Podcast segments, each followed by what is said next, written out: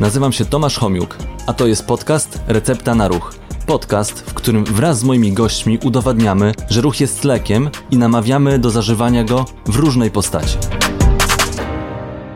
Cześć. Witam Was serdecznie w kolejnym odcinku Recepty na Ruch. Dzisiaj moim gościem jest Joanna Tokarska, fizjoterapeutka, instruktorka, blogerka, youtuberka, podcasterka. Także dużo, dużo zadań. Znajdujesz na to czas pracując z pacjentami? Cześć. E, aż normalnie mnie zaskoczyło. Rzeczywiście, robię tyle rzeczy. E, odpowiadając na to pytanie, nie znajduję tyle czasu, co wcześniej na pracę z pacjentami. To nie mhm. jest tak, że da się zrobić wszystko e, i jeszcze pracować 6, 8 czy 12 godzin, tak jak lubią fizjoterapeuci z pacjentami. Nie jest tak. No podobnie jest u mnie, coraz mniej czasu na pacjentów, ale postanowiłem, że recepta na ruch będzie taką pomocą pacjentom. I dzisiaj chciałbym, żebyśmy porozmawiali o tym, jak możemy pomóc osobom, u których wystąpił udar, albo zacznijmy od tego, co zrobić, żeby tego udaru nie mieć. No właśnie, tak, taką miałam nadzieję, że może najpierw to zróbmy coś, niech, niech coraz mniej jest tych udarów, bo liczba udarów generalnie jest duża. Nawet w Polsce, tak jak sprawdzaliśmy, 70, nawet 90 tysięcy tak. gdzieś pojawiają się takie liczby rocznie, czyli to jest takie no całkiem spore miasteczko rocznie, pojawia się nowych osób, które miały udar. A z tych, które miały w zeszłym roku, przecież zostają te osoby, część z nich, niestety tylko część, no tak jest, że część z nich żyje nadal, w związku z tym sama liczba pacjentów w Polsce to raczej rośnie, tak? I tak naprawdę zobacz, że mało się o tym mówi. Zobacz, ile informacji jest w mass mediach na temat tego, żeby, nie wiem, nie mieć zawału, albo żeby nie mieć cukrzycy, albo żeby zapobiegać otyłości, albo zwalczać otyłość. A słyszałeś gdzieś kampanię, hej, uważaj, mógłbyś mieć udar, zrób coś z tym. Są, są pewne kampanie, widziałem, ale już, e, żeby zapobiegać, myślę, że najczęściej o tych udarach słyszymy wtedy, kiedy dotyczą one osób znanych. Dziennikarz, piosenkarz, no, osoba znana publicznie ma udar i wtedy to jest szok dla ludzi. Tak młoda osoba doznała udaru. No tak, ale to już właśnie jest e, ta informacja, że on już ma ten udar, tak? Właśnie tak. go przebył. Sprawa już jest zamknięta, a być może, e, nie, nie, mówiąc personalnie o nikim, ale być może ta osoba pracowała wiele, wiele lat wcześniej, żeby mieć ten udar, tak? I być może nieświadomie bo skąd mogła wiedzieć, co jest ważne? Taki przeciętny człowiek, skąd ma wiedzieć, e, co jest w czynnikach ryzyka udaru? Skąd on ma to wiedzieć? Tak, to, jakby, tak, jak, tak jakby podejść do każdego na ulicy, taką sondę teraz zrobić. Hej, dzień dobry panu, a e, proszę wymienić trzy główne przyczyny e, udarów e, wśród Polaków. No, Serio? No podejrzewam, że, że niewiele osób by wiedziało, chociaż no, najwięcej e, kojarzymy sobie takich przyczyn, no nie źle się odżywiasz, za dużo jesz, tak? Albo pijesz alkohol, palisz, za mało się ruszasz. To są jedne z tych czynników. Czy jeszcze wymieniłabyś dodatkowe, o których na pewno większość ludzi nie wie? No i to jest właśnie hit. Dlatego, że utożsamia się całe zło tego świata e, z tym, że nie wiem, że masz nadwagę, że jesteś otyły, że jesteś tak zwaną leniwą bułą nic ci się nie chce robić, bo nie chodzisz na siłownię. Teraz jest hype, prawda? Każdy powinien chodzić na siłownię a tymczasem jest jeden, tak naprawdę jeden czynnik ryzyka udaru, który jest bezsprzecznie naukowo skorelowany z występowaniem udaru i tym czynnikiem jest nadciśnienie. I to jest taki po prostu taki złoty czynnik, który bezsprzecznie mówi mu, hej, masz nadciśnienie, zwiększyło ci się ryzyko udaru. I kolejny hit jest taki, że przecież naciśnienie, e, owszem, no można korygować farmakologicznie, ale mamy na nie niesamowity wpływ poprzez działania niefarmakologiczne, czyli przez tą naszą taką fizjoprofilaktykę. Tak, medycynę stylu życia. Medycynę, Mówi się teraz tak, coraz się, częściej o tak. medycynie stylu życia, czyli sami mamy wpływ na to, czy będziemy zdrowi i czy wystąpi, czy zwiększymy sobie ryzyko wystąpienia takiej czy innej choroby, w tym udaru. Dokładnie. Kuriozum całej tej sytuacji jest takie, że mamy bardzo dobrze policzone, co my powinniśmy robić, żeby zachować zdrowie, ile powinniśmy się ruszać. Mniej więcej wiemy, jak powinniśmy się ruszać, jaki to powinien być rodzaj wysiłku. I to wszystko jest policzone, opublikowane od lat. Nie mam takiego poczucia, żeby to było bardzo promowane, tak? I znowu, jakbyśmy wyszli na ulicę i zrobili sondę i zapytali przeciętnego człowieka, Dzień dobry, a ile e, minut w tygodniu uważa Pan, że powinien Pan się poruszać? E, no, no, pewnie codziennie. prawda? Ale taki konkret, ta recepta, tak? Tak. Ta twoja recepta na ruch. Konkretnie, ile on ma się poruszać? Jak ma się poruszać? Co jest ważne w tym poruszaniu? Jak się do tego przygotować? Dokładnie. Czy w ogóle się trzeba do tego Dokładnie. przygotowywać? Dokładnie tak. Więc ja zawsze będę promować takie rzeczy, które są pewnikami i które ktoś zbadał, ktoś sprawdził, ktoś opublikował. I dla mnie takim wyznacznikiem jest jednak rekomendacja WHO, która mówi, że dorosły człowiek to tak naprawdę nie musi nie wiadomo ile tego treningu w tygodniu mieć, bo WHO mówi, wiesz, zasadniczo to wystarczy ci 150 minut w tygodniu. Tak, a dodatkowo WHO mówi, że to wcale nie musi być nazwane treningiem, bo, Tak. bo to nie chodzi o to, że idziesz na siłownię, nie chodzi o to, że zakładasz buty specjalne do biegania i idziesz biegać, tylko to może być e, zwykły spacer, nie wiem, w domu, jakieś czynności wykonujesz, przy których się spocisz, sprzątasz w domu, to Tak. też jest wysiłek, który możemy wliczyć w te 150 minut, o których mówisz. Tak. I tak, żeby uświadomić, żeby tak jakby dać wyobrażenie osobom, które nas słuchają czy oglądają, co to ma być za wysiłek. Możemy sobie podzielić wysiłek na trzy rodzaje tego wysiłku pod względem tego, nazwijmy to tak e, kolokwialnie, jak bardzo się spocisz. Tak. Więc mogę mieć taki wysiłek, przy którym w ogóle się nie spocę. Jestem wyluzowana, idę na spacerek, jest mi dobrze, delikatne jakieś rzeczy wykonuję, tak jak teraz siedzę sobie na piłeczce, bujam się przód tył, ale rozmawiam z tobą i nie mam z tym żadnego problemu. Czyli mój wysi- wysiłek jest minimalny. I to jest za mało. Wrócimy sobie Mhm. jeszcze do tego minimalnego. Minimalny albo lekki, tak, Tak. też nazywany. Dokładnie. Wrócimy sobie do niego później, bo on też jest ważny, ale to nie jest ten, o którym mówi WHO. Bo WHO mówi o tym wysiłku, który jest troszeczkę większy, czyli ten średni, o średnim natężeniu. I co to jest ten średni? Kiedy pójdę na spacer, idę troszeczkę szybciej i jakbyśmy teraz szli sobie, nie wiem, na bieżni, to byłby dobry numer, odcinek na bieżni.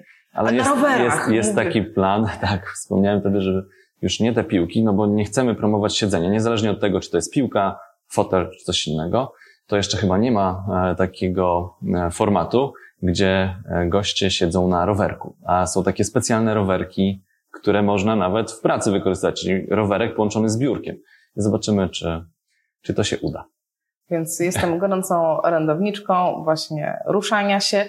I teraz, jakbyśmy siedzieli na tych rowerkach i byśmy sobie tak pedałowali, nie tak na maksa, ale na tyle, żeby tak troszeczkę ten oddech się zmienił, troszeczkę się pojawi potu i nasza rozmowa już nie byłaby tak płynna, tylko bym tak, no dalej byśmy rozmawiali, ale byłoby słychać, że ja jestem, że ja jednak coś robię oprócz tego, że rozmawiam. Co jakiś czas trzeba zaczerpnąć powietrze. Dokładnie. I wtedy mamy ten wysiłek o średnim nasileniu. To jest to, o czym mówił H. To jest te 150 minut w tygodniu. Umiarkowany inaczej. Umiarkowany, dokładnie.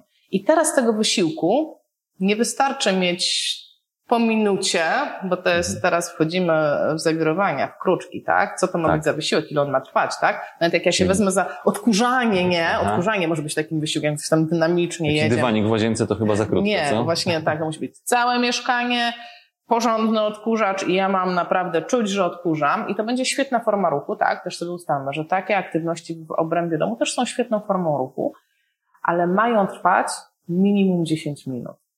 Tutaj się z Tobą zgodzę, tak y, WHO mówi, w nowszych badaniach e, ze Stanów dotyczących akurat naszego serca, e, profilaktyki serca, to już nawet udowodnili, że pięciominutowe ta, takie sloty treningu, znaczy treningu, jakiegokolwiek wysiłku już dają dla nas efekty. Także nawet te pięć minut, to nie jest nic wielkiego. Świetna wiadomość. Ale dokładnie o to chodzi, żeby to potrwało, żeby to serce miało e, okazję zapracować i żeby pozmieniało się ciśnienie i to będzie ta taka funkcja, tak, e, tak ja to rozumuję, regulacyjna w kierunku ciśnienia.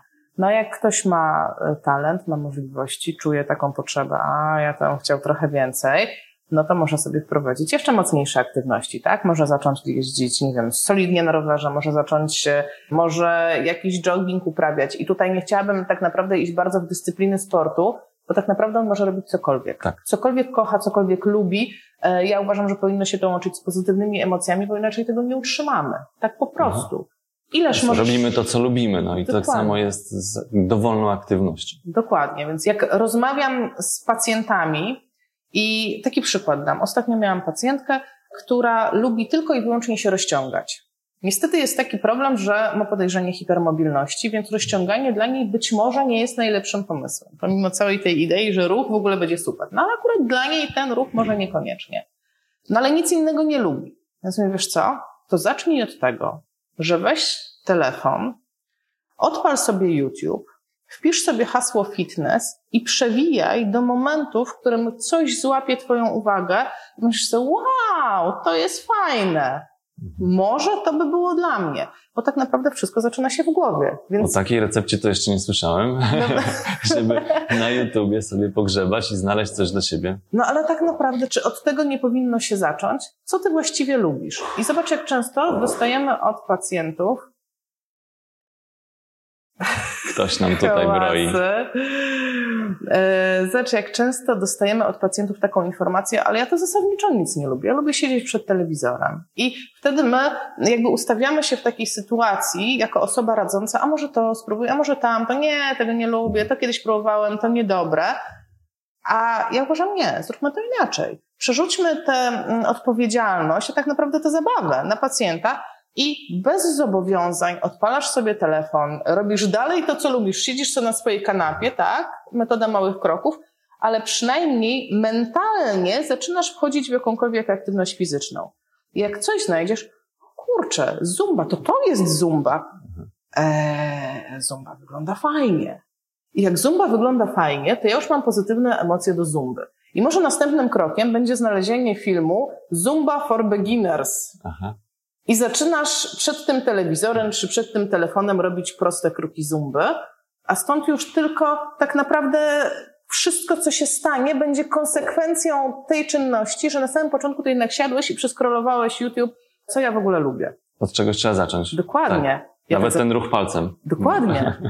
Ja tak zaczęłam jogę. Ja tak zaczęłam w czasach koronawirusa. Byliśmy zamknięci w domu. Ja jestem zwolenniczką treningu siłowego. Nie bardzo wiedziałam, jak to ugryźć w domu, a równocześnie ten ogromny stres, który się pojawiał, no chyba u wszystkich, jakby skłoniło mnie do tego, dobra, no to przeskroluję, zobaczymy z czym się je yoga, tak? Wszyscy mówią yoga, yoga, yoga, do tej pory ja mówię, yoga, i...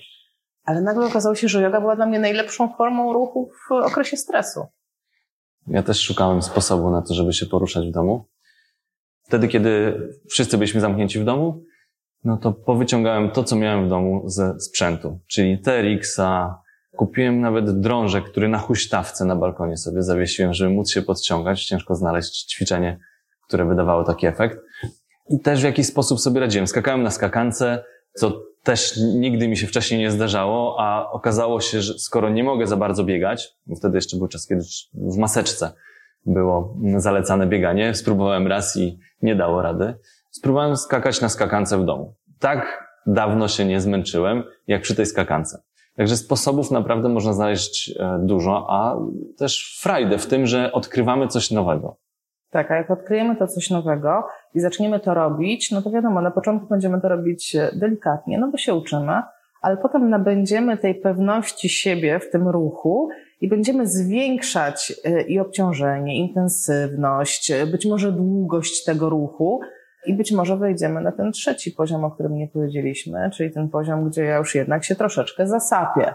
I już jednak nie będzie mi tak łatwo rozmawiać jak w poprzednich poziomach aktywności, ale wtedy zwycięstwo jest takie, bo Michał mówi, wiesz co, a jak ty jesteś w stanie robić te wysiłki o większym natężeniu, to może się robić tylko 75 minut w tygodniu.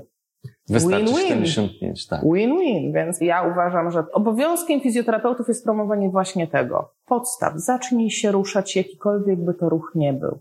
Niech on trochę potrwa. Jak możesz lżej się ruszać, to ruszaj się dłużej, rozłóż to sobie w skali tygodnia. Jak jesteś w stanie robić intensywniej, możesz to robić krócej, ale rób to.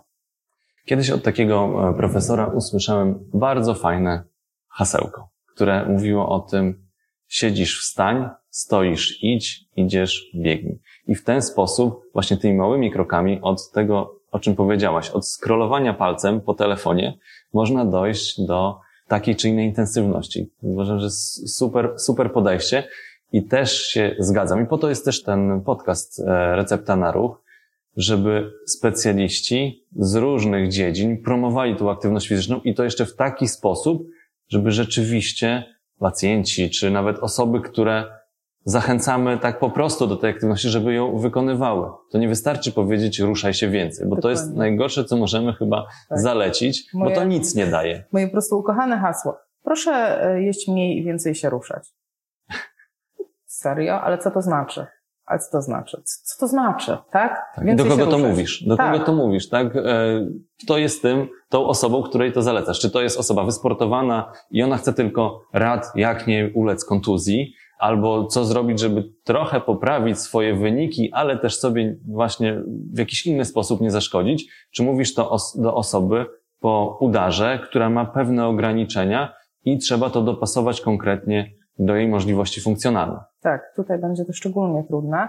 Jeszcze e, chciałabym na chwilę wrócić do tej aktywności, którą, no nie to, że pominęłam, tak, do tej takiej niskiej aktywności, bo ważna jest też druga strona medalu, bo to, co powiedzieliśmy, to powiedzieliśmy o tym, że ileś czasu w tygodniu trzeba się ruszać w jakichś blokach, tak, czyli trzeba ileś mieć tej aktywności, tej troszeczkę większej. A teraz trzeba do tego dodać taką kolejną rzecz, czyli można powiedzieć styl życia, czyli to, jak ja się zachowuję na co dzień. Czyli teoretycznie mogę spełniać wymagania WHO, mogę mieć 150 minut treningu w tygodniu, tak, bo ja sobie trzy razy w tygodniu będę chodzić na siłownię, trzy razy po 50 minut, ja tam sobie robię to, co trzeba. No dobrze. A co z pozostałymi godzinami, kiedy siedzę w biurze, siedzę w samochodzie i siedzę przed telewizorem i w pełnym przekonaniu, no przecież ja zdrowo żyję, trzy razy w tygodniu trenuję. No a niestety to tak nie jest, ponieważ znowu, jak spojrzymy w badania naukowe, to mamy bardzo taką konkretną korelację, czyli powiązanie nieaktywnego trybu życia, czyli takiego trybu życia, w którym głównie siedzę, tak jak rozmawiamy, to na początku siedzieliśmy bez problemu, bez ruchu, a za chwilę się zacznie, tak? Bo my mamy tą na, naturalną potrzebę ruchu. No i to jest dobrze, to tak ma być. Czyli oprócz tego, że ileś czasu w tygodniu poświęcam na aktywność fizyczną, to jeszcze muszę zadbać o to, żeby mój tryb życia był urozmaicony. Czyli jeżeli siedzę przy biurku, bo taką mam pracę, jeżeli siedzę przy biurku, bo mam taką pracę, że 8 godzin dziennie po prostu jestem zatopiona w papierach, no to muszę zadbać o to, żeby po pierwsze siedzieć różnorodnie, czyli zmieniać pozycję. Jeżeli tylko mam możliwość, to pracować w innych pozycjach. Jeżeli pracuję z laptopem, no to jest w ogóle bajka, ja to uskuteczniam w mhm. domu, dlatego że mogę go zabrać ze sobą. Mogę popracować przy blacie, mogę popracować na kanapie, mogę popracować, e, nie wiem, w łazience postawić sobie na półce. Ja mam na balkonie półkę, stawiam sobie wysoko i pracuję na stojąco. I to znowu nie chodzi, nie chodzi o to, żeby cały dzień spędzić na stojąco, tylko chodzi o to, żeby mieć tę różnorodność ruchu, bo to jest ten tryb życia i to jest to, co wiąże się ze śmiertelnością, z nowotworami, z takimi naprawdę poważnymi rzeczami. Tak. Właśnie ten tryb życia. E, ja na przykład mam aplikację, która mi przypomina, jak siedzę 50 minut bez ruchu, to dostaję powiadomienie na telefon, hej Jaśka, it's time to stretch your legs. Mhm. I wtedy ja wiem, aha, okej, okay, przesadziłam troszeczkę, i aplikacja też zlicza mi, ile godzin w ciągu dnia byłam bez ruchu. I muszę Ci powiedzieć, że ja nie byłam świadoma tego. Jako aktywna osoba spędzam 6-7 godzin bez ruchu w ciągu dnia. No to niedobrze. Szok. To niedobrze, bo też ostatnio duże badanie sprzed kilku lat, 54 kraje, które mówiło o tym, że długotrwałe przebywanie w pozycji siedzącej, czyli siedzący tryb życia, a długotrwałe określili już powyżej 3 godzin dziennie, że jest przyczyną przedwczesnej śmiertelności. I to było tam około 4% całej populacji badanej, co akurat pamiętam, chyba 433 tysiące osób w tych 54 krajach zmarło przedwcześnie przez to, że za dużo mm, siedzieli, byli nieaktywni. Tak. Tak, dokładnie tak. I dlatego uważam, że to jest niesłychanie ważne i fajnie, że rozwijają się takie trendy w tej chwili, Trendy typu przekonaj pracodawcę, nie żeby ci kupił super fotel, na którym zalegniesz i przesiedzisz cały dzień. Nie, nie, nie. Przekonaj go, żeby te pieniądze przekierował w biurko, które ty będziesz mógł podnosić i opuszczać. Tak. Bo wtedy będziesz co 20 minut, ja jestem orędowniczką metody Pomodoro, także, także ja tutaj 20 minut popracuj, a 5 minut zrób to, co będzie wymagało od ciebie ruchu. Czyli załączam stoper, 20 minut pracuję, stoper mi dzwoni, przerywam pracę, albo wykonuję telefon, który miałam wykonać, albo idę skserować dokumenty, które wymagają skserowania, albo idę sobie zrobić herbatę. Mam 5 minut na to, żeby włączyć w to ruch. Tak, tutaj akurat e, to, że mamy trochę takiej pracy w home office, zresztą większość firm, ja w ramach e, takiego corporate wellness doradzam też e, firmom, jak ta praca może wyglądać. Właśnie to, o czym wspomniałaś, że te pół godziny to już wystarczy siedzenia, należy zmienić tą pozycję. Pracując w domu, to mamy idealne warunki z tym laptopem, pomimo tego, że nawet nie mamy jakiejś tam podstawki pod tego laptopa specjalnej, tylko sama zmiana pozycji. Mam w kuchni taki blat wysoki, tam stawiam. Trochę na fotelu, trochę na podłodze, trochę przy stole i w leżeniu na macie. Tak? Mam matę w domu, dlaczego przez chwilkę nie mogę poleżeć, to troszkę bardziej odgięty do tyłu. Także te zmiany pozycji dużo dają. My e, nie zwracamy na to, na to uwagi, ale też pokazuję i namawiam często różne osoby, że takie małe nawyki, takie mikroprzerwy, które sobie robimy, dają często dużo więcej niż my pójdziemy raz, czy nawet te trzy razy w tygodniu na ostry trening. Tak, ja jak najbardziej przychylam się. No, uważam, że treningi są super i są bardzo potrzebne. Zacznijmy od małych rzeczy. Zacznijmy od tego, że wprowadzimy ruch w ciągu dnia, czyli wstajemy od biurka, e, zmieniamy pozycję. Taka prosta rzecz, spacery. Jaki problem codziennie jest przespacerować, jak ktoś jeździ do pracy komunikacją miejską, wysiąść przystanek wcześniej? Jak jeżdżę samochodem, zaparkować dalej na parkingu. Takie proste rzeczy. Wiesz, jakieś robiłam, w zeszłym roku robiłam taką pogadankę w szkole u mojego syna. Mówię, jakoś zrobimy, wkręcimy ten ruch rodzicom. Mówię, wiecie co? Namawiajcie rodziców, żeby parkowali swoje samochody, jak was odwożą do szkoły, daleko, daleko tam na parkingu. O co mi chodziło? Żeby te dzieci się ruszały, ponieważ dzieci się też nie ruszają. Teraz dzisiaj rozmawiamy o udarach ale też jest prawda taka, że dzieci się nie ruszają. Mamy problem z dziećmi, a tym dzieciom zaleca się dużo więcej ruchu niż dorosłym, więc tutaj się w ogóle godzina pojawia dziennie przynajmniej. Godzina dziennie, no właśnie. I gdzie ta godzina dziennie, jak on jest dowożony, odwożony ze szkoły, a po przyjściu ze szkoły siada przed e, komputerem i tam, wiesz, Fortnite. No takie, w takiej rzeczywistości Fatalny żyjemy. przykład. No w takiej rzeczywistości żyjemy, niestety. Ale właśnie, zataczając koło, wracając do udaru. Jak skończą te dzieci, które teraz mają 10-12 lat, które cały czas siedzą i grają w gry komputerowe i mają zbyt mało ruchu? Przypominam, tak jak powiedziałeś, godzina dziennie tego ruchu powinna być. To jak one skończą za lat 30 jako 40-latkowie? To, to, to są nasi przyszli to prawda, pacjenci. To, to są nasi przyszli pacjenci. No, teraz telefon to jest centrum świata dla takiego dziecka często. No nie u wszystkich oczywiście, nie generalizujmy, bo ja mam e, u siebie akurat w domu mocne ograniczenia pod tym kątem, ale no kiedyś no to telefon to była skrzynka, nikt z nim nie chodził i spędzaliśmy czas zupełnie inaczej.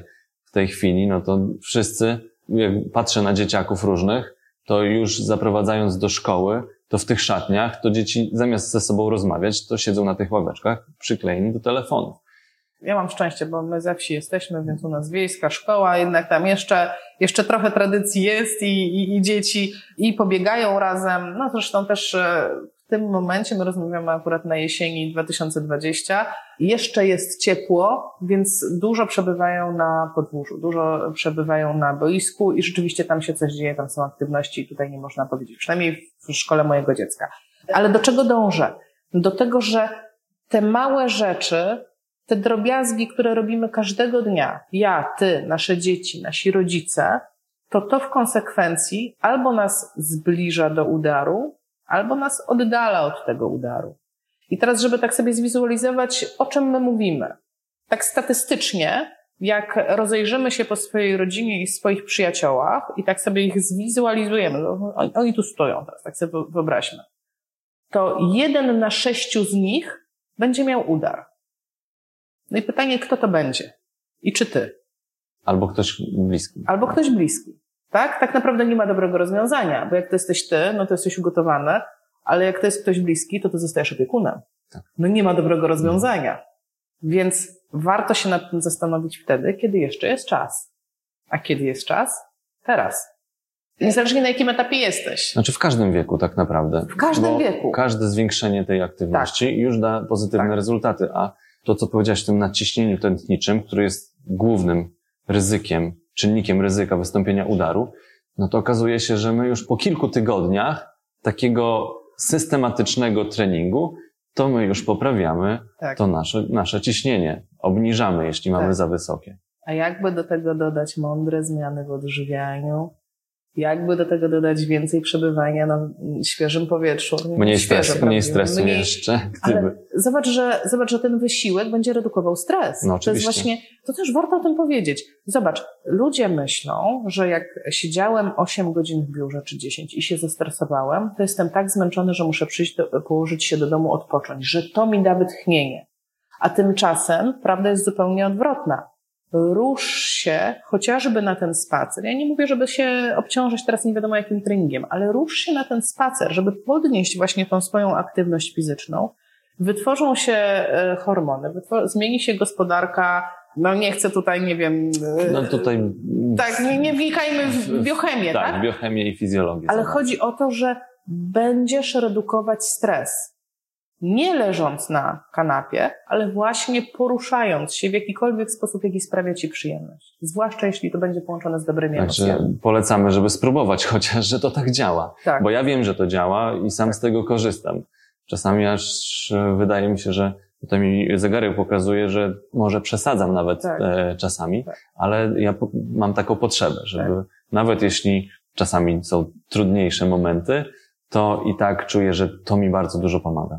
Bo po prostu tak można powiedzieć kolokwialnie czyści głowę. No. Doszliśmy do tego, jak nie mieć udaru. Tak, to Powinniśmy teraz powiedzieć jeszcze, wiesz, bo tak mówimy o WHO, to już tak wypadałoby zamknąć temat, bo tam WHO jeszcze mówi, no oprócz tego, że ty jak się poruszasz, to ty jeszcze jednak weź, zrób coś dla tej swojej siły dwa razy w tygodniu. Oni tam nie określają dokładnie ile i co to ma być, ale ma być trening o charakterze zwiększającym siłę. I ja Tam jest tam 10-15 powtórzeń e, przy jednym ćwiczeniu. To jest, my- myślę, że takie, e, nie jest to aż taki super siłowy trening, ale taki, który może właściwie każdy wykonać. Dokładnie. Czyli 10-15 przysiadów. To jest jeden z przykładów. Tak, właśnie tak. powiedzieć przysiady, kocham Przysiad. przysiady. I dla wszystkich osób, które boją się przysiadów i uważają, nie, nie, w ogóle rozpadną mi się kolana, po pierwsze to nieprawda, a po drugie przysiady, jak każdy wysiłek fizyczny można stopniować. Czyli mogę zacząć od czegoś, co będzie ultra łatwe, czyli na przykład od wstawania z krzesła. To też już przysiad. będzie, to jest też przysiad, to jest kawałek przysiadu, a potem mogę zacząć wstawać z kanapy, która jest troszeczkę niższa i też w tych seriach normalnie, tak jak powiedziałeś, 15 e, ws- wstanięć z kanapy, a potem ja to mam taki, po babci taki zydelek. Babcie takie miały zydelki, nie wiem, do obierania ziemniaków chyba kiedyś. Ja mam taki malutki zydelek i po prostu potem możesz z tego zydelka sobie wstawać.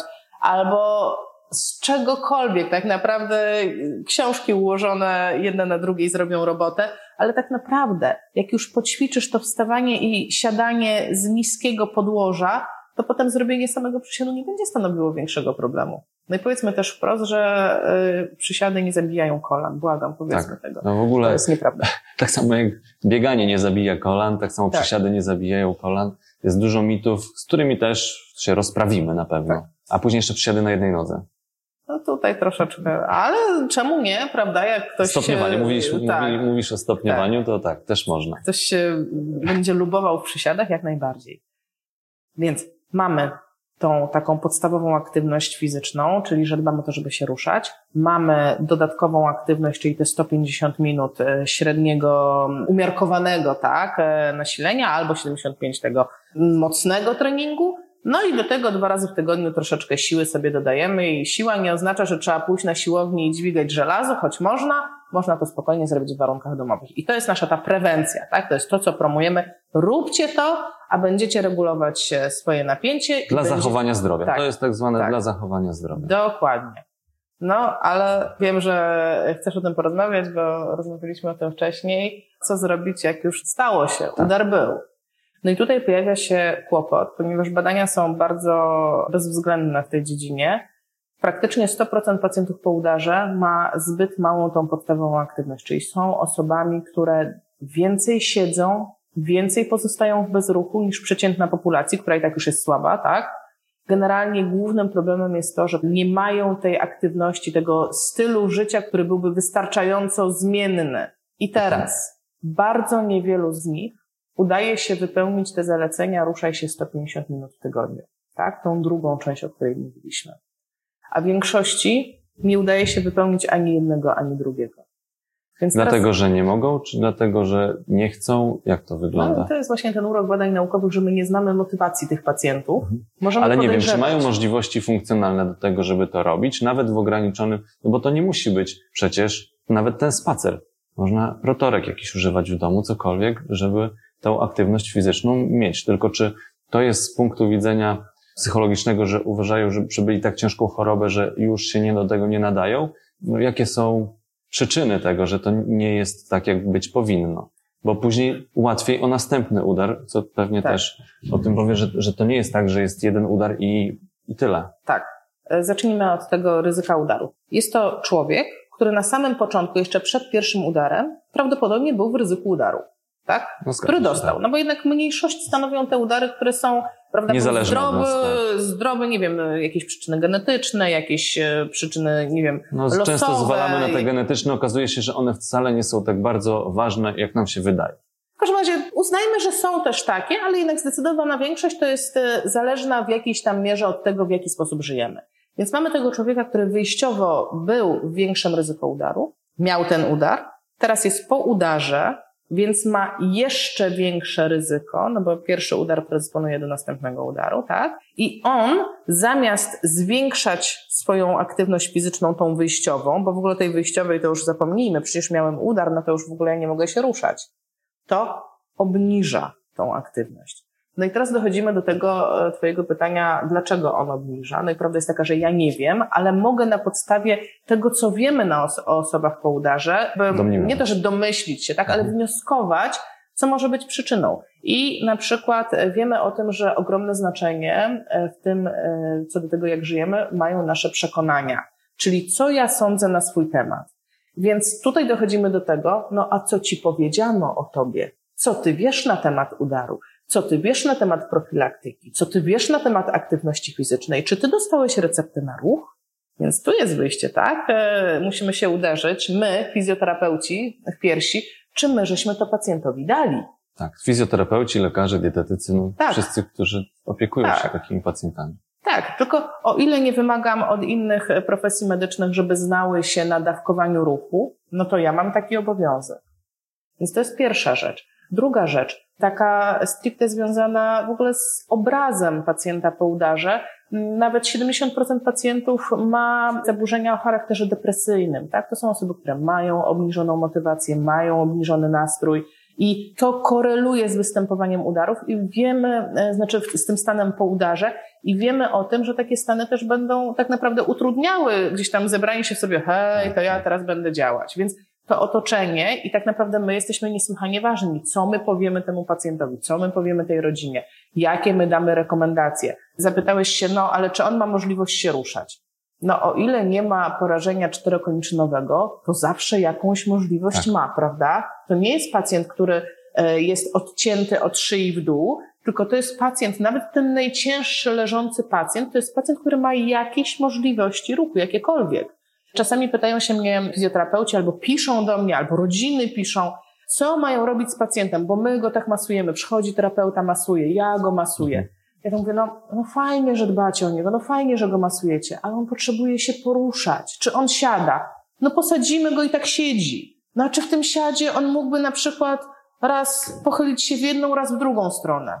A może mógłby się wychylić do przodu? W ogóle to jest hit, bo jeśli chodzi o budowanie napięcia w obrębie tułowia, tutaj wchodzimy w kwestie terapeutyczne, tak? Ale jeśli chodzi o budowanie tego core stability u osób po udarze, to wychylanie się na siedzące jest jedną z najskuteczniejszych form y, y, interwencji terapeutycznej. Sam fakt, że siedzi i pracuje lewo-prawo, no to to już jest super tak. aktywność. Tak. Tylko czy ktoś mu to powiedział? No właśnie wiesz, jesteś e, instruktorką i tego uczysz, to dla ciebie to jest oczywista sprawa, że tam wychylanie się czy spychanie w różnych kierunkach osoby będzie angażowało dodatkowo mięśnie do pracy i to jest już coś, co może zrobić dla siebie. Dokładnie. Ale też, e, żeby tak pozostać w tym, co pomówiliśmy wcześniej, mówiliśmy o przysiadach, Też są badania, które pokazują, że znakomitą interwencją pacjentów po udarze jest wstawanie z krzesła. Wielokrotne w ciągu dnia wstawanie i siadanie, wstawanie i siadanie. No to dużo mięśni używamy. Przysiady, tak? tak, dużo. Po prostu przysiady. I wielu pacjentów po udarze jest w stanie to robić. To nie jest tak, że wszyscy są leżący, że wszyscy są przymurowani do wózka, czy wszyscy są przymurowani do łóżka. Nie. Część z nich ma pewne możliwości ruchu, tylko znowu, jakie jest postrzeganie fizjoterapii, jakie jest postrzeganie leczenia. Przyjdzie specjalista i mnie wyleczy. Czyli moja terapeutka przyjdzie do mnie dwa razy w tygodniu, Takie bierne i wystarczy, mhm. tak? A gdzie jest ten instruktaż, gdzie jest ta recepta? Hej, codziennie masz obowiązek 20 minut uprawiać jakąś formę ruchu. Ja jestem z tobą i ja pomogę ci znaleźć tę formę ruchu, bo to nie, niekoniecznie musi być proste, tak? To, to nie musi być oczywiste dla osoby, która nie jest związana z medycyną, z fizjoterapią, co to mógłby być za ruch. No ale to znowu, od tego my jesteśmy. Że ja mam znaleźć tą formę ruchu i mam ją znaleźć tak, żeby ten człowiek był w stanie ją wykonywać wielokrotnie w ciągu dnia, po to, żeby utrzymywać swoją aktywność fizyczną. I wracając do tego przesuwania palcem, że to od też małych tak. kroków i znaleźć coś, co ta tak. osoba polubi. Tak. Ja mówię, zacznij od tego, że siądziesz przy stole, położysz ręce na stole i powychylasz się przód tył na stole. Jedna z najbezpieczniejszych aktywności. No, zabezpieczone wszystko tak. dookoła jest, a jest tam już taka mała dawka ruchu. Tak. Zacznij od tego, żeby proste czynności samoobsługowe robić samodzielnie. Ja akurat mam w głowie pacjentów wózkowych, tak? Podjedź do umywalki. Umyj sam twarz. Jak ci wyjdzie, tak ci wyjdzie, ale to już będzie ten wysiłek fizyczny. To, co się wydarza, co ja obserwuję u moich pacjentów, to taka wtórna niepełnosprawność, czyli mógłby pewne rzeczy robić sam, a ktoś go ale wyręcza. ktoś to robi, bo tak jest szybciej, no bo on jest chory, a tymczasem jak ktoś jest chory, to właśnie trzeba go pchnąć do tego, żebyś był niezależny. Właśnie spróbuj, poświęcisz na to czas, ale to będzie najlepiej wykorzystany czas w ciągu dnia. Dokładnie, ja tak samo uczę tutaj na Uniwersytecie Medycznym studentów i widzę, że chcą pomagać tym pacjentom, ale garną się do tego aż za bardzo i mówisz, pomagamy, jeśli to jest już naprawdę konieczne. Jeśli już pacjent nie ma szans, nawet ostatkiem sił nie jest w stanie wykonać tego siedzenia w łóżku, czyli przejścia z pozycji leżącej do siedzącej. Jeśli ostatkiem sił nie jest w stanie tego zrobić, no to dobrze, to pomóżmy, ale nie starajmy się pomagać na siłę, czyli żeby wykorzystać maksymalnie możliwości, te, które pacjent ma. Tak, tak wyszliśmy już w takie meandry terapeutyczne, tak? Bo teraz ja bym sobie zadała pytanie, co to jest za pacjent?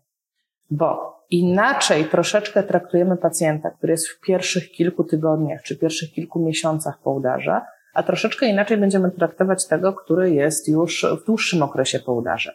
Bo ten początkowy okres jest niesłychanie ważny pod kątem tego, że tu i teraz ten pacjent uczy się, odbudowuje funkcję, którą utracił, i może być tak, że on na ten moment nie ma możliwości wykonywania prawidłowego ruchu. I to jest ten moment, kiedy wkraczam ja, cała na biało, i wykonuję ten ruch razem z nim, nawet jak mu pomagam, tylko po to, żeby ileś set razy wykonał go prawidłowo, pomimo tego, że nie może, tak. mhm. i żeby, mówiąc kolokwialnie, w głowie wdrukował się wzorzec ruchu, który będzie przynajmniej zbliżony do prawidłowego. Mhm. Czyli, jakbym tak miała powiedzieć, tak brzydko, kiedy cisnąć pacjenta, a kiedy nie cisnąć, to w tym wczesnym okresie będę mu pomagać, czyli będę mhm. mniej cisnąć, jedziesz, jedziesz, jedziesz, jedziesz, będę z nim, będę go uczyć, jak ten ruch ma wyglądać, ale potem tak zaprojektuję ćwiczenie, żeby mógł sam pocisnąć i mógł tego wykonać tak dużo, żeby później jakby w konsekwencji robić to samodzielnie. Tak, mówisz o tej reedukacji e, tak. takiej, gdzie już jakby odebrana została pewna funkcja i trzeba ją odbudować tak. Bo ja nie pracuję z pacjentami neurologicznymi, pracuję z osobami starszymi i uczę, jak pracować z osobami starszymi, a często właśnie i rodziny, i nawet terapeuci starają się pomagać nie, niepotrzebnie w pewnych, pewnych momentach tak. tym osobom. Później te osoby też trochę to wykorzystują, tą pomoc. Tak, I, to, I to się jakby tak. Korzystał, no błagam cię. No. Jakbyś miał wyjście, ktoś ci poda herbatę, a wstać i sobie zrobić, no, no dziwne było, nie, nie, nie sieć, ja jednak stanę sobie. Musi być ta motywacja, musi być ten głód czegoś, żebym poszła i zrobiła sobie kanapkę. Ale też chciałam, żeby wybrzmiała też taka jedna rzecz, tak? Bo mówimy, żeby zachęcać pacjentów do ruchu, żeby ich tak podkręcać, to teraz działajcie, działajcie, działajcie. zwłaszcza we wczesnym okresie po udarze, takie 4-6 tygodni, unikałabym takiego podejścia jedziesz za wszelką mhm. cenę, tak? I chciałam, żeby to, było, żeby to bardzo podkreślić, bo czasami jest tak, że pacjent będzie w stanie się poruszać, ale będzie to robił we wzorcach patologicznych. Bardzo często tak jest. I teraz jak ja będę go zachęcać, jedziesz, jedziesz, jedziesz, to czego to on się nauczy? On się nauczy tej patologii. Tak. Więc ja tego nie chcę, dlatego mówię, wczesny okres jest od tego, żeby się nauczyć. Wczesny okres jest od tego, żeby moje ręce były razem z nim. A to jest już działka fizjoterapeutów, Dokładnie. tak? A my tutaj jakby chcemy zachęcać i pokazywać różnym osobom, takim, gdzie to nie jest już w obrębie fizjoterapii, tylko co samodzielnie można zrobić. Jak taką, jak taką pracę domową, czy, czy receptę na ruch wykorzystać samodzielnie w obrębie domu, rodziny i samej osoby, która ma ten problem. No to tutaj tak naprawdę osoby, które teraz powinny wytężyć słuch, to nie są sami pacjenci, tylko to jest właśnie rodzina, to są opiekunowie, to, jest, to są wszystkie te osoby, które przebywają na co dzień z tym pacjentem. Bo może być tak, że jemu jest trudno w pierwszym okresie, nawet pierwszy rok czy pierwsze dwa lata, jak się czyta takie wspominki pacjentów, którzy wyszli z udaru, czy książki, chociażby książka tej słynnej naukowiec, która dostała udaru, taka blondynka z mózgiem na ręku występuje na YouTubie, e, Jean Boyle bodajże się nazywa. Ona o tym pisze. Na początku nie rozumiałam, co do mnie mówią. Nie byłam w stanie przetwarzać informacji. Potrzebowałam, żeby bardzo powoli do mnie mówić. Nie rozumiałam wielu rzeczy, chociaż bardzo się starałam. Więc tak naprawdę ta odpowiedzialność jest po stronie opiekunów. Czyli to opiekun musi nabrać tej wiedzy. Fajnie by było, żeby wysłuchał tego odcinka i umiał wyobrazić sobie w głowie, co temu pacjentowi potrzeba, ile mu dać, a ile mu nie dawać. Czyli, kiedy co? Tak. I Tutaj niestety nie ma takiej recepty uniwersalnej dla wszystkich, bo jeden pacjent chodzi i jego problemem będzie to, że nie może chodzić na szpilkach e, po udarze, drugi e, pacjent będzie jeździł na wózku, ale na krótkich dystansach będzie chodził e, na piechotkę, na przykład do łazienki, trzeci pacjent będzie ledwo co przesadzany na wózek i wożony na tym wózku, a czwarty będzie leżał w łóżku. Więc nie mam uniwersalnej recepty dla wszystkich. Ale moją receptą byłoby to, dogadaj się z fizjoterapeutą, zapytaj się, a co on potrafi robić sam? Może ten w łóżku potrafi się odwrócić na prawy bok, a na lewy nie. No to już masz aktywność i już wiesz, że na prawy bok, pomimo tego, że to troszkę dłużej trwa, to czekasz, aż on się sam odwróci. Może umie podciągnąć jedną nogę, a drugiej nie. No to jedną sam podciąga, drugą ty mu podciągasz, a do zmiany pampersa unosi e, biodra do góry. Takie rzeczy. Proste rzeczy. A może do zmiany pampersa on się odwróci na bok? Przepraszam, nie pampersa, tylko, mm, jakżeż to się nazywa, basen, tak? Ty mu ten basen podłożysz, a on się wtoczy na to. I już mamy taką współpracę i efekt jest taki, że i ten pacjent się rusza, i opiekunowi jest lżej. To, co ja obserwuję, to takie przeświadczenie i poczucie, że wszystko trzeba zrobić wokół tych chorych osób, czyli trzeba je dźwignąć, trzeba im podać. Ona sama się nie podciągnie w łóżku, trzeba ją ciągnąć. A nie zawsze tak jest. Powiedziałabym, że tak naprawdę jest tak w mniejszości. A chodzący pacjent to już w ogóle, no jak chodzi, no to w ogóle nie ma opcji jak bezpiecznie chodzi, tak? Bo to już też jest robota fizjoterapeuty, żeby sprawdzić, czy ten pacjent bezpiecznie chodzi. Ale jeżeli bezpiecznie chodzi, sam sobie robi kanapki, niech jeszcze mi zrobi. Czyli jeszcze dodatkowo e, tutaj mówię, wspomniałeś o tym bezpieczeństwie, też tego się e, tutaj troszeczkę zawiesimy na tym, bo to też profilaktyka na przykład upadków u tych, u tych tak, pacjentów. Zdecydowanie. I tutaj jest bardzo taka e, śliska sprawa i też bardzo uczulam, zwłaszcza opiekunów, którzy jak zobaczą, że pacjent zrobił dwa kroki, to znaczy, że on chodzi. No otóż nie. Mamy w fizjoterapii testy bezpieczeństwa i zanim ja pozwolę mojemu pacjentowi samodzielnie chodzić, to on ma wykonać test bezpieczeństwa i zmieścić się jeszcze w ramach tego bezpieczeństwa, bo jak on się nie mieści, ja akurat najczęściej stosuję taki test, który polega na przejściu trzech metrów do przodu, powrocie, zmierzeniu czasu tego, to jest mierzalne, to jest zbadane, to jest, mhm. E, mamy wystandaryzowane, wystandaryzowane, tak. mamy test i możemy w bardzo prosty sposób e, sprawdzić, czy względnie bezpieczne jest wchodzenie tego pacjenta. Więc jeżeli nie jest, no to on potrzebuje asystent, potrzebuje zabezpieczeń i nie będzie się samodzielnie poruszał, na przykład w miejscach, gdzie byłoby to niebezpieczne, typu w miejscach publicznych, czy na dłuższe dystanse. Tak, na, o nie, no to w ogóle. Ale jeżeli mam pacjenta, który spełnia te normy bezpieczeństwa, wszystko jest ok, nie wiem, drobne zaburzenia równowagi, jak zmienia kierunek, no to nie ma żadnego powodu, żeby nie chodził na spacery, nie ma żadnego powodu, żeby nie uczestniczył w życiu rodzinnym, nie ma żadnego powodu, żeby nie sprzątał. No takie proste rzeczy. Zgadza się, wczoraj jeszcze przeglądaliśmy sobie rekomendacje, to tam jest masa sportów, które są zalecane osobom właśnie po udarze. Ale to też zależy tak. od tego, na ile to jest raz, że bezpieczne i na ile sobie ta osoba radzi. Ja mam sąsiada u siebie w bloku, e, no ewidentnie jest po udarze, ale on biega. Ja so, wychodzę sobie biegać na, do, do parku, widzę, że on regularnie biega. Da się? Da się. Da się. Akurat e, te rekomendacje, o których mówimy, to są rekomendacje amerykańskie, więc też pamiętajmy o tym, że specyficzna jest sytuacja w Ameryce, a nasza też jest specyficzna. Mamy troszeczkę inne zależności kulturowe, mamy inne możliwości finansowe, mamy inne możliwości chociażby społeczne na zasadzie dostępności miejsc, gdzie ten człowiek ma pójść, gdzie będzie dla niego bezpiecznie. Fizjoterapii. Przecież też e, widzieliśmy statystyki, które pokazują, że po udarze, to tam 20 parę procent tylko ma w ogóle rehabilitację taką neurologiczną. Tą, e, tą szpitalną, tak. Bo ogólnie neuro, neurologiczną rehabilitację można mieć w różnych formach i to też różnie na świecie wygląda i różna skuteczność na świecie jest w zależności od państw e, różnych form tej rehabilitacji. Teraz mam na myśli tą rehabilitację szpitalną w porównaniu do domowej, w porównaniu do ambulatoryjnej, tak, tak. ale tak jak czytam te badania, to tak naprawdę wszystko się sprowadza do tego, czy ten pacjent, niezależnie od tego, gdzie jest, ma dostęp do teamu specjalistów, teamu, nie tylko fizjoterapeuty, który przyjdzie nawet i pięć razy w tygodniu, to jest za mało.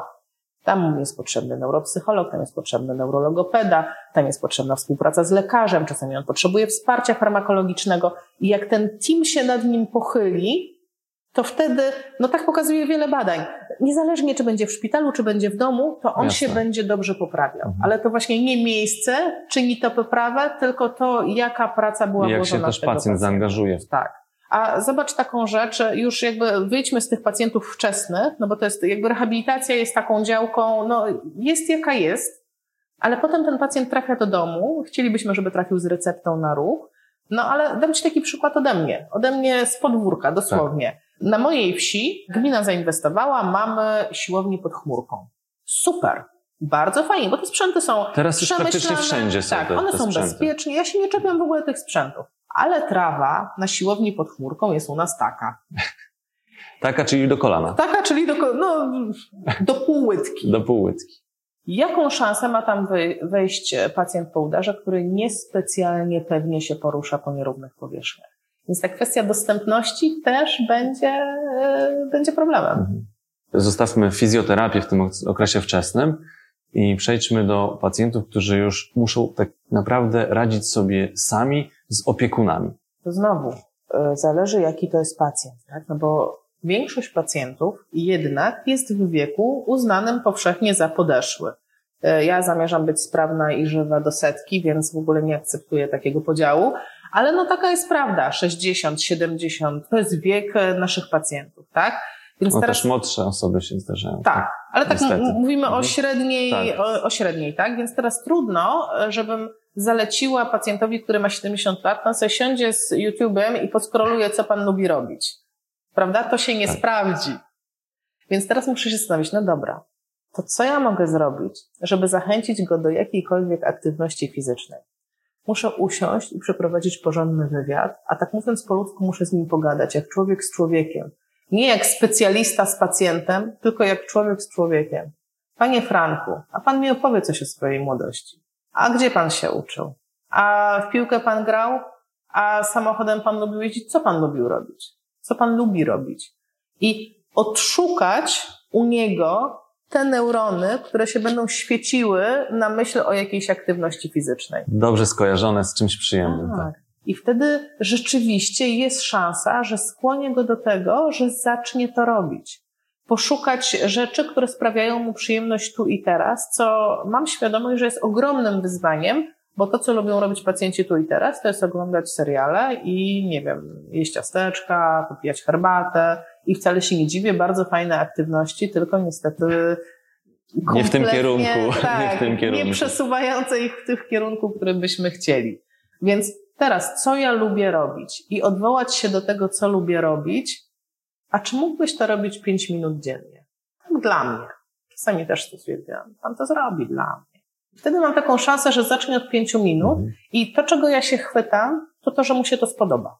No bo tego szukam. Bo jeśli aktywność fizyczna nie spodoba się tej osobie, no to święty Boże nie pomoże. Ja wyjdę i nie będzie tego robić. A jak coś nawet pięć minut będzie sprawiało przyjemność, to samo to może pójść do przodu. Jutro będzie sześć, Tak. A potem się zapomni się z tym mierzeniem zegarka, będzie 15 i nagle się okaże, że generalnie robimy coś fajnego, a przy okazji wyhodowaliśmy całkiem miły ogród, bo tą aktywnością to było na początku wyjście i oglądanie rabatek.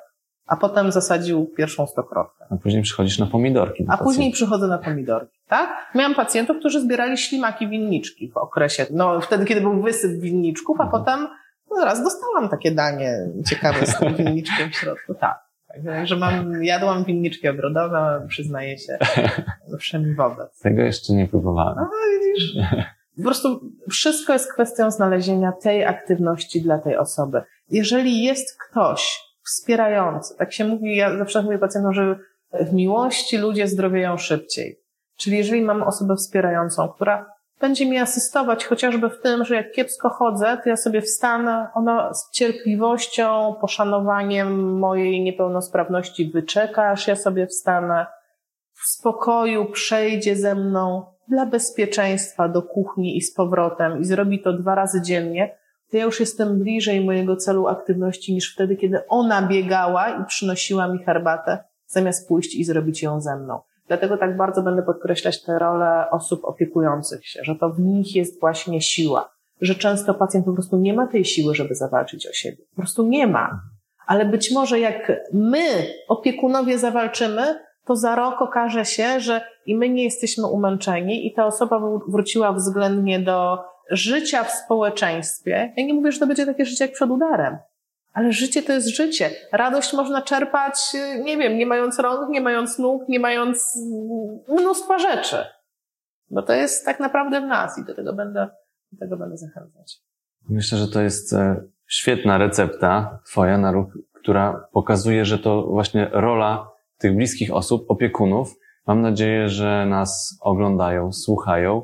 Ewentualnie osoby, które oglądają, słuchają i wiedzą, że bo tych osób mamy dużo w Polsce. Tych opiekunów jest dużo, bo tych udarów jest dużo. Tak. Jedna na sześć osób tak. z naszego otoczenia będzie miała udar w przyszłości tak. albo już miała.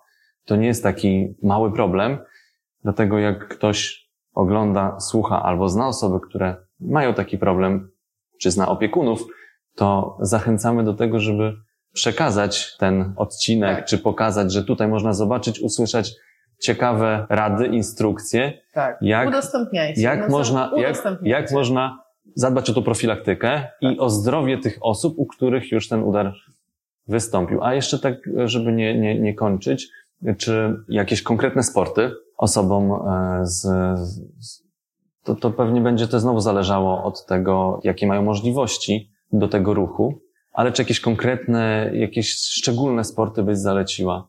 Tak myślę, tak myślę, co powiedzieć, ponieważ moi pacjenci robili... Oprócz naj... tych spacerów, no bo spacer to tak. też, jest, też jest wysiłek. Tak, najróżniejsze rzeczy robili moi pacjenci. Tak, teraz na pewno pływają, to na 100%. Ci pacjenci, którzy wcześniej to robili, którzy czują się bezpiecznie w wodzie, bardzo sobie chwalą środowisko wodne, bo woda zmniejsza spastyczność i oni lepiej funkcjonują w wodzie. Także pływanie Świetne. na stówkę, mhm. jeśli ktoś może. Z rowerem jest ten problem, że do roweru potrzebujesz równowagi i z roweru czasami Wiesz co, potrzebujesz... są rowery też takie obudowane bardziej. Tak, no więc właśnie dokładnie. Czyli pytanie, czy pewnie się czuję na rowerze i lubię to i teraz jaki rower wybrać? Ja widziałam rower biegowy dla dorosłych. Nawet taki. Też więc... widziałem. To chyba nawet Polacy wymyślili no, coś więc... takiego. No ale to jakby nie, nie posuwajmy się. Generalnie chodzi mi o to, że za każdym razem, kiedy y, mam jakieś zaburzenie w obrębie ręki, nogi, tak, nie jestem tak sprawna jak wcześniej i wchodzą w grę sprzęty, z których można spaść, to ja zawsze tak patrzę troszkę, mmm, dobra, czy na pewno robiłeś to wcześniej? Czy na pewno masz doświadczenie, jak to robić? Czy na pewno jest bezpiecznie? Czyli to bezpieczeństwo byłoby u mnie na pierwszym miejscu. Więc jak rower super, jeśli jesteś w stanie. Tak po mhm. prostu, znowu. I tutaj nie dam prostej recepty, bo to musi określić fizjoterapeuta, który z tobą pracuje na co dzień. On będzie wiedział, czy z tobą jest bezpiecznie na rowerze, czy nie. Inne sporty, no ja w ogóle jestem wielką fanką, wielką, wielką takiego, nie wiem jak to nazwać, bo to jest taki trochę jogging, takie bieganie medytacyjne, różnie to się nazywa. Slow jogging może. Slow jogging, dokładnie, coś takiego, że już nie idziesz, a jeszcze nie biegniesz. A to jest slow jogging. tak?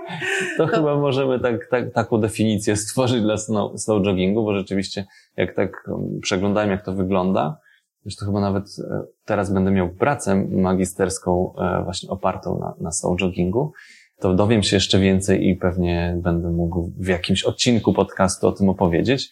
Ale to, że tak, tak chyba wygląda, że nie idziesz, tak. ale też z tym bieganiem to też tak. tak ciężko nazwać, bo prędkość to jest takiego szybkiego chodu. Tak, i faza lotu nie szczególnie. Tak.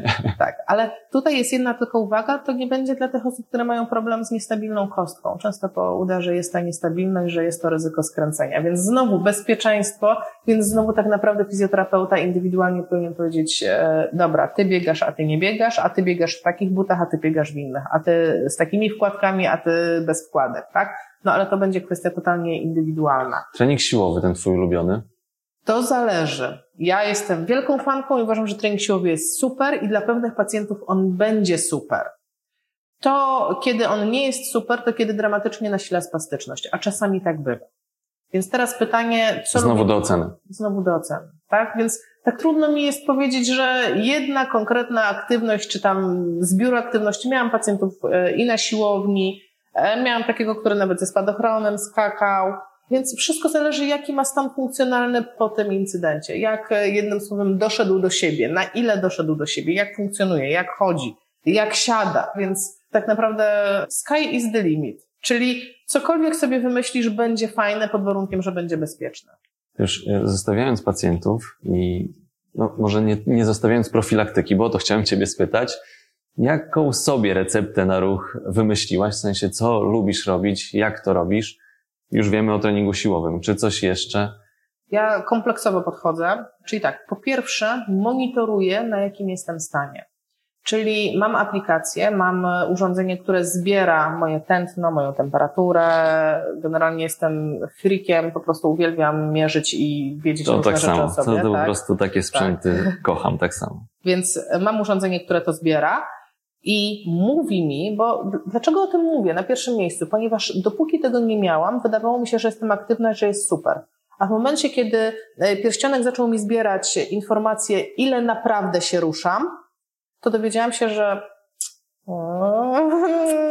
Asia, nie radzisz sobie.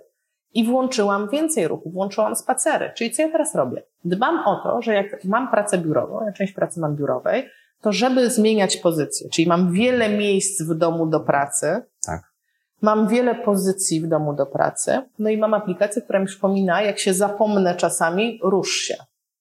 Jeżeli jestem w czasie telekonferencji, to też e, w związku z pracą zdalną, po prostu tak w tej chwili pracujemy, że masz tam, mhm. kiedy jesteś sam w domu, to jesteś, a czasami jesteś na telekonferencji. No i jesteś. Na jednej musisz być przed komputerem, ale na niektórych wystarczy, że twój mózg jest e, z współpracownikami. Chyba, że prowadzisz. Tak, no tak, to wtedy e, też zdecydowanie musisz być skupiony, ale czasami naprawdę można iść trakcie takiej pracy. Po prostu pójść na spacer i iść. I tak samo jak tego podcastu można słuchać idąc. Dokładnie. Dlatego uwielbiam podcasty.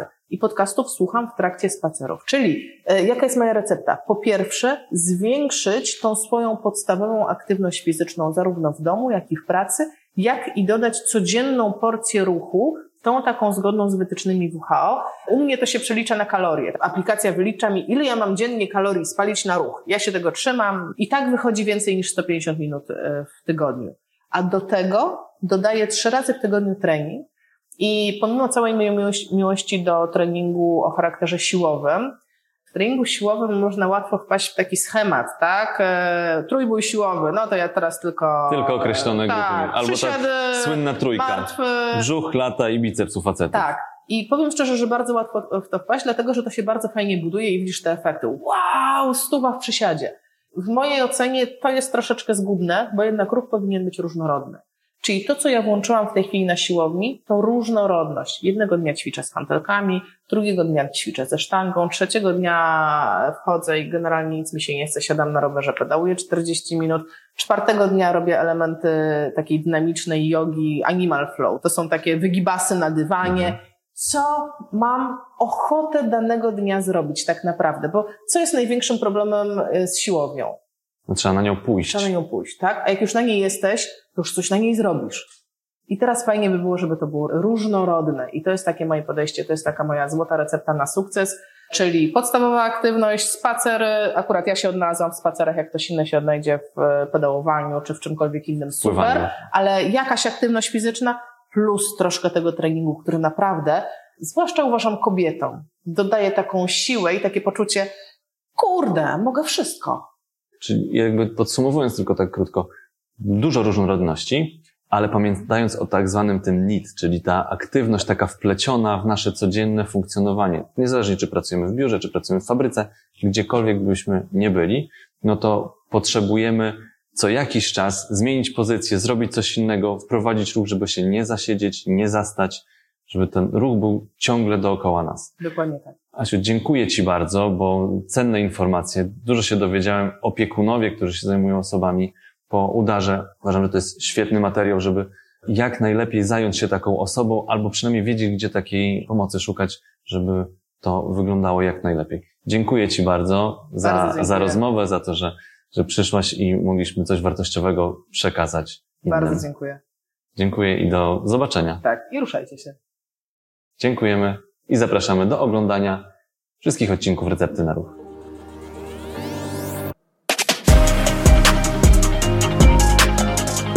Dzięki, że byliście. Mam nadzieję, że zostaniecie tutaj na dłużej. Jeżeli chcecie być na bieżąco, zasubskrybujcie kanał Recepta na Ruch.